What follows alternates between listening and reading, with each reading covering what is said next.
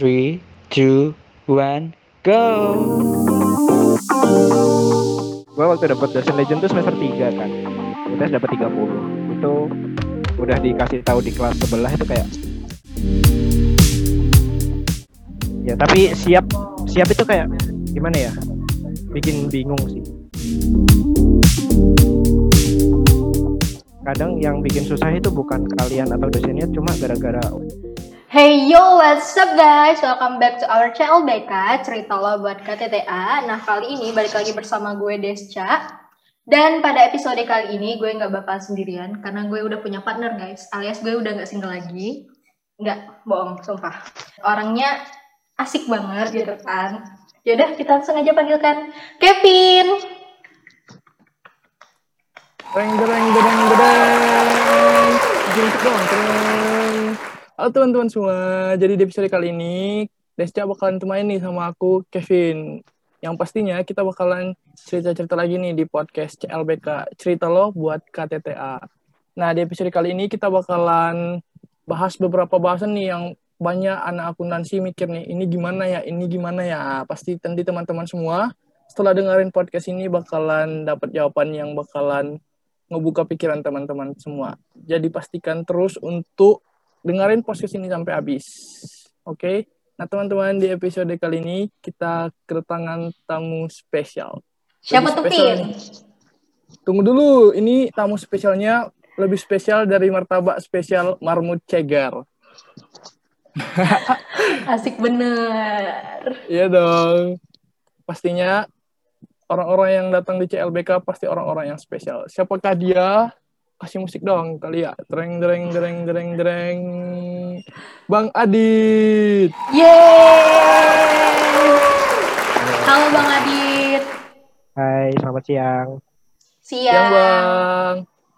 Apa kabar Bang? Alhamdulillah lagi nunggu penempatan. Uh, uh, uh. Oh, Lagi- jadi sekarang Ah ya gitu, sibuk pemberkasan tapi waktu ngurus SKCK ditanyain dapat instansi mana belum tahu gitu. uh, uh, uh, ngurus SKCK tapi belum tahu penempatannya di Iya. mana itu. Iya, Kira-kira emang pengumumannya kapan nih ya, Bang? nggak tahu, nggak berani ngomong. Agak privacy gitu ya, nggak? Nggak sih, takutnya ntar angkatan gua tiba-tiba itu kayak bikin isu baru. Ih kata Adit Oh, segini gitu, ntar oh iya. ntar malah. Iya, Apalagi di kampus kita informasi cepat ngalir ya, ya. cepet banget apalagi di Stuntman Fest. Iya, bener. Parah sih, Bang. Aduh. Stand Fest mah sekarang isinya apa aja gitu. Bener banget, sumpah. Nah, Bang berarti sekarang udah apa ya? Udah nggak terikat lagi sama kehidupan kampus Jurang Mangu, rasanya gimana? Ah jujur sih gabut ya, kerasa banget gabutnya waktu selesai kuliah. Tapi minggu-minggu terakhir ini kan pengumuman pemberkasan tuh mendadak ya. Jadi waktu pertama gabut tuh kayak enak ya gabut gitu. Terus waktu udah tengah-tengah kayaknya mending sibuk. Ternyata enggak, mending gabut. Oh, mending gabut. Kalau misalnya waktu semester 5 kemarin, Abang termasuk kategori orang gabut apa enggak? Sebenarnya tiap semester banyak gabutnya. Cuma waktu semester 5 kemarin aku ikut kepanitiaan kan. Ya cuma satu itu doang. Jadinya agak hektik banget. Terus apa nih lagi, Pin? Kalau boleh tahu kepanitiaan Abang waktu semester 5 apa tuh, Bang? Eh, waktu itu aku di BEMKAP. BEMKAP 2019. Ya, Ah, itu kan persiapannya banyak juga tuh, Bang. Terus iya. timingnya juga dekat-dekat STS nggak sih tuh, Bang? Ya, Tahun itu- lalu. Ya ada bukan dekat tes tapi sebelum semester 4 akhir sampai semester 5 kayaknya. Cuma ya ya Hmm. waktu hari hanya itu ya ada di sebelum UTS sama setelah UTS kayaknya. Lupa sih sebenarnya. Kalau timeline. Mm-mm. Oh, jadi teman-teman yang buat yang dengar ini di episode kali ini kita bakalan bahas gimana nih cara nyimbangin antara kegiatan kita yang padat nih di semester 5 sama akademik kita gitu kan selama dari tingkat 1 sampai tingkat 3 kita udah belajar akuntansi terus neraca harus balance nih terus LAK harus balance nih nah selain laporan keuangan itu, hidup kita di stan ini juga harus balance. Kita harus bisa nyimbangin akademik sama non akademik kita. Dan tentunya kita bakalan ngulik di lebih lanjut dari uh, Bang Adit yang udah ngelewatin 6 semester dengan baik nih di kampus kita. Ya nggak Bang Adit? Baik sih, tapi ya lulus ya. Ya, ya, yang penting lulus itu, yang penting lulus. Ya, alhamdulillah Udah, gitu kan. Terlagi penempatan. Bang mau nanya nih bang. Eh, kemarin tuh waktu lagi apa ya, lagi nentuin, eh lagi milih tuh milih mat matkul yang abang pengen waktu KTTA, itu abang milihnya karena udah punya gambaran atau ya kayak pengen aja gitu tapi belum ada gambaran. Ah, sebenarnya aku kan dulu basicnya teknik. Eh, aku di SMK. Oh anak teknik. Ya, jadi kalau kayak punya udah punya gambaran itu nggak nggak ada sih. Cuma kan aku gap year lulusan 2016. Mm-mm. Jadi teman-temanku tuh banyak yang udah lulus gitu. Nah, itu aku tanya kayak ngerjain KTTA itu yang matkulnya bisa diselesain tuh gimana gitu. Terus ya gitu pokoknya kebanyakan sih rekomendasi dari teman-teman gue yang udah jadi cutting. Gitu. Terus dapetnya matkul yang dipengennya apa enggak tuh bang? Dapatnya alhamdulillah dapatnya itu ya prioritas pertama langsung. Soalnya emang ya gitu ya.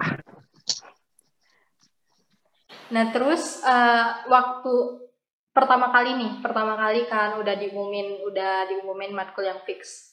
Apa sih yang abang lakuin gitu? Abang apa maksudnya tuh abang masih kaget, kaget bukan kaget gimana sih? Kaget maksudnya tuh udah disuruh ngubungin dosbing, pastinya tanyain judul segala macem tuh. Tapi kita kan belum ada gambaran, itu gimana tuh? Apa langsung udah langsung dapat ide waktu udah pengumuman, ah langsung punya ide banyak gitu. Eh, kalau aku nggak dapat ide sih. Waktu pertama pengumuman itu sebenarnya pemilihan ketua kelompok kan. Mm-mm. Nah, cuma dari grup aku sendiri tuh kayak slow respon semua. Nah daripada mundur-mundur, ya udah aku mengajukan diri. Habis itu Wow. yang Visioner nih. pertama itu enggak sih. Yang pertama itu kalian harus kayak ketemu sama dosen. Pokoknya komunikasi sama dosen harus kayak gimana ya. Soalnya kalau kalian cuma pakai gambaran tuh ntar bisa-bisa kayak bingung mau ngapain. Jadi yang paling pertama kontak dosennya harus kayak gimana nya gitu. Nanti dosennya pasti ngebimbing kan. Tuh. Harus gercep lah pokoknya kalau masalah sama dosen. Eh, abang ngerasa nggak kalau semester 5 ini tuh mudah atau susah gitu? sebenarnya gimana ya nggak nggak mudah juga cuma kalau dibanding sama semester tiga empat jauh lah tiga empat itu kayak nerakanya semasa aku kuliah tuh Ah. tiga empat susah banget emang Tiga empat gitu. tiga empat Tapi gila kayaknya anak-anak semester 5 sekarang kurang setuju tuh bang sama eh, tiga empat lebih payah gitu. Soalnya dari testimoni teman-teman nih semester 5 itu nggak kalah susah gitu bang sama semester tiga empat. iya emang itu ya yang susah itu kayak tiga empat itu lebih gimana ya pressure-nya aja cuma kalau semester Hmm. lima aku ngerasa banyak tugasnya itu parah tugas Oh, apalagi kalian PJJ kan pasti kul- tuh, lebih banyak Bener, kan bener. gitu Heeh. apalagi ke tri Heeh. ke trigger tapi itu ya bang ya sama yang semester 3 semester 4 kemarin ada triggernya gitu ya dari faktor-faktor lain gitu. ya gue dapet dosen legend legend legend. Oh, gila. Heeh, heeh. pantes tapi sih, gue hoki. Heeh. gue hoki. Gue waktu dapet dosen legend tuh semester 3 kan. UTS dapat 30 itu udah dikasih tahu di kelas sebelah itu kayak di kelas gue tuh kayaknya ada yang nggak bakal lanjut gitu kan. Udah udah udah kayak desperate. Udah ngapa-ngapain tuh bengong. Gue udah mikir kayak mau lanjut kuliah di mana mau kerja di mana gitu kan terus tiba-tiba abis UTS ganti ganti dosen jadi kayak gue hoki banget sih sebenarnya Sumpah, speechless. speechless banget sih, Kak. Eh, Bang. Terus habis itu kan apa namanya tuh udah hoki nih di semester 3. Kira-kira di semester 5 masih hoki nggak sih? Abang itu di semester 5 masih hoki nggak? Atau udah hilang tuh hoki?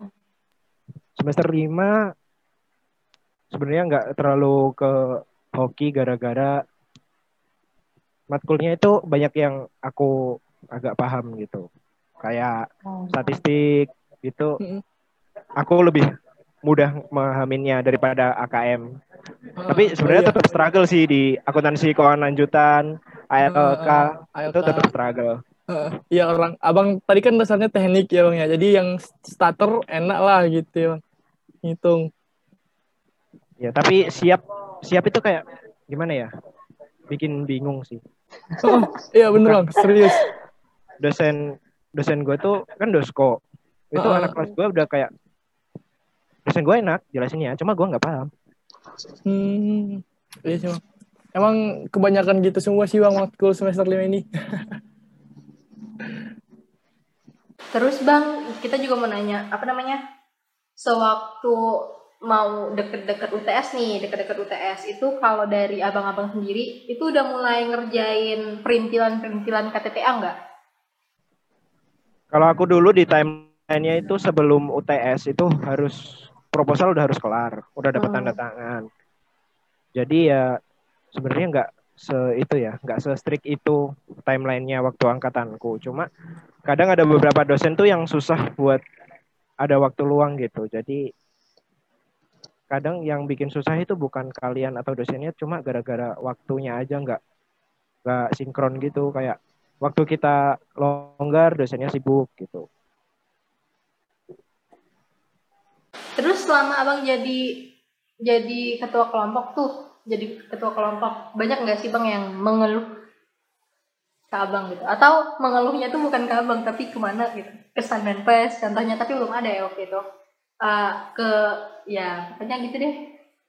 Sambat-sambat. Ngeluh gitu. itu sebenarnya ngeluhnya gini.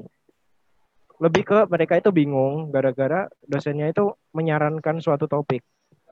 Jadi dosenku itu kan gini. Ambillah objek terserah kalian, cuma kalau bisa topiknya sama biar ntar waktu penjelasan itu gampang dosennya. Nah, aku sebagai orang yang ya udahlah yang ikut dosen. Jadi ya udah aku ambil. Cuma ada satu orang di kelompokku itu kayak dia mau tetap ambil topik yang dia pilih sendiri gitu. Oh begitu. Silakan Kevin. Jadi waktu abang nyusun KTT nih udah mulai tuh kan bang dari kayak gini kayak kami ini kan udah mau ini udah mau TS terus waktu di semester yang abang kemarin itu proposal udah mulai dikerjain tuh ya kan bang? Udah selesai. Oh udah selesai sebelum UTS-nya? Kalau nggak salah udah selesai. Pokoknya yang Oh. di itu semester 5 pokoknya proposal kalau bisa harus sudah fix gitu. Hmm. Oh ada nggak bang waktu itu waktu abang ngerasa susah banget nih nyari data apalagi ditambah kuliah masih tujuh matkul terus masih ada kegiatan-kegiatan lain di luar akademik terus nyari tambah nyari tambah nyari data KTTA ada nggak kesusahan yang abang rasain dulu gitu Eh, gini ya, kalau kan aku dapat objeknya itu nyari tempat PKL. Jadi kayak ya udah ntar aja gitu. Cuma Hmm. dari teman-teman aku yang kebanyakan sih bukan gara-gara nyari datanya, cuma dia bingung kayak objeknya itu kayak clean plan gitu loh. Katanya boleh, ternyata enggak atau kalau gitu dia udah ngajuin objek ini ke dosennya. Cuma si objeknya nggak mau dijadiin objek KTTA. Kebanyakan Hmm. gitu. kalau dosennya sendiri itu sering minta ganti-ganti objek gitu nggak sih bang? Ada yang gitu teman aku, cuma ada yang cuma ah aku nggak. oh iya Gue bingung pakai gua atau aku ya. Enaknya gimana? Serah ya? bebas bebas bang Bebas. Ya udah. Hmm. Jadi sebenarnya kita sebagai manusia manusia jadi mahasiswa juga harus harus fleksibel gitu dong ya bang ya kayak kalau misalnya dosennya minta ini kita harus ikutin juga gitu supaya ntar mudahin sama penyusunan KT- KTTA kita. Sebenarnya sih gini ya kalau kalian kayak PD bisa nyelesain topik itu atau kayak ya udah aku kalau pakai ini pasti aku bisa gitu ya ambil aja PD aja. Cuma beberapa dosen emang yang kayak nggak mau kayak penelitian kalian tuh kurang. Mending kalian pakai ini aja gitu. Kayak mereka ngasih saran mending kalian penelitian ini aja kalau dosen gitu. Abang pernah dengar-dengar cerita dari teman-teman abang nggak yang kayak aduh capek banget nih semester 5 tugas ini tugas numpuk atau objek KTTA belum dapat gitu. Sering. Seringnya itu Sering, uh. waktu proposal pro- pokoknya udah mau deadline proposal, kita kan mikirnya kalau ntar kita ganti judul bakal ribet ya. Jadi Hmm. mereka berusaha ngefixin. Nah, teman-teman aku ada yang tiba-tiba proposalnya nggak mau gitu, mereka udah kayak stres berat gitu. Padahal Hmm. waktu udah PKL, waktu pokoknya timeline pengerjaan KTTA ternyata kalaupun ganti objek juga nggak apa-apa. Nggak apa-apa sama proposalnya apa-apa, itu ya. ga- ganti Ah. judul. Seharusnya Ah. kan gini, kalau seingatku ya, kalau nggak ada COVID ini, mereka kalau mau ganti judul harus ngajuin proposal ulang gitu. Cuma Hmm. gara-gara COVID kan susah, jadinya sama entah sama lembaga entah sama Etiramisu itu ya udah kalau ganti ya udah ganti aja yang penting dosen udah menyetujui gitu. Oh. Iya sih bang. Tapi teman-teman abang yang struggle-nya parah itu tuh yang struggle banget nih sama semester 5 sekarang udah lulus kan bang?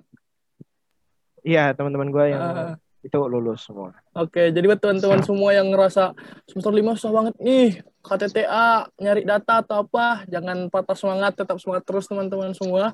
Lihat nih kating-kating kita banyak yang ngerasain struggle banget di semester 5 ini, tapi berhasil lulus. Nah, teman-teman sem- semua juga harus kayak gitu, harus tetap semangat, fokusin lagi gitu. Walaupun kita masih digantung sampai detik ini ya. Kita harus semangat guys. Yuk, bisa yuk. Yuk, sambat terus yuk. Jangan semangat yuk. ya udah, eh, nih eh, mau lebih ke mana ya? Mau mulai masuk ke topiknya nih. Gimana ya cara abang tuh buat membalancekan pikiran? Bukan pikiran sih, maksudnya kadang itu kan maksudnya ujian kita di stan itu agak bisa bikin ketok kepala gitu kan gitu. Nah, sedangkan kita juga mau lulus dengan menyusun KTTA. Susah nggak sih bang? Kayak membagi waktu, membagi pikiran kedua hal yang sama-sama penting gitu.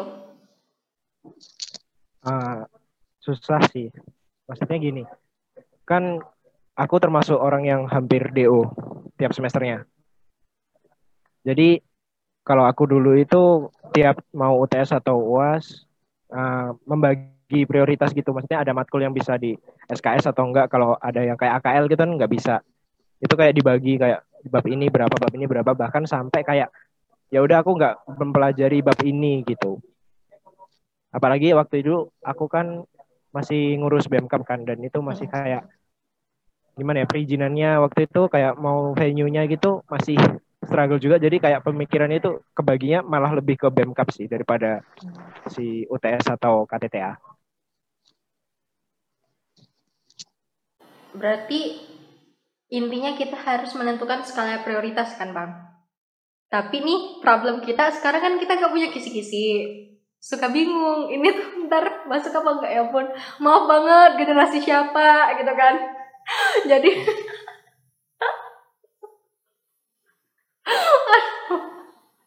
Aduh, aduh maaf banget, maaf banget jurusan sebelah, maaf banget. Nah jadi apa namanya tuh kan agak susah tuh jadinya. Tahu kira-kira oh ini masuk ini enggak. Kalau dulu kan di tingkat satu masih enak tuh di semester satu emang ada kisi-kisi treng keluar. Gitu. Sekarang kan udah enggak. Itu abang menentukan yang kira-kira mana yang perlu dipelajari mana yang enggak itu dari mana? RPS ya? Enggak, simpelnya itu itu matkul oke di matkul AKL gitu deh. Kan ada materi yang gampang sama yang enggak. Nah, biasanya yang susah itu malah nilainya gede. Ya enggak selalu sih, cuma asumsiku yang susah ntar nilainya gede. Jadi aku malah belajar yang susah-susah aja. Maksudnya yang yang gampang-gampang ntar waktu SKS waktu aku dulu dapat jam entah jam 8 entah jam 11.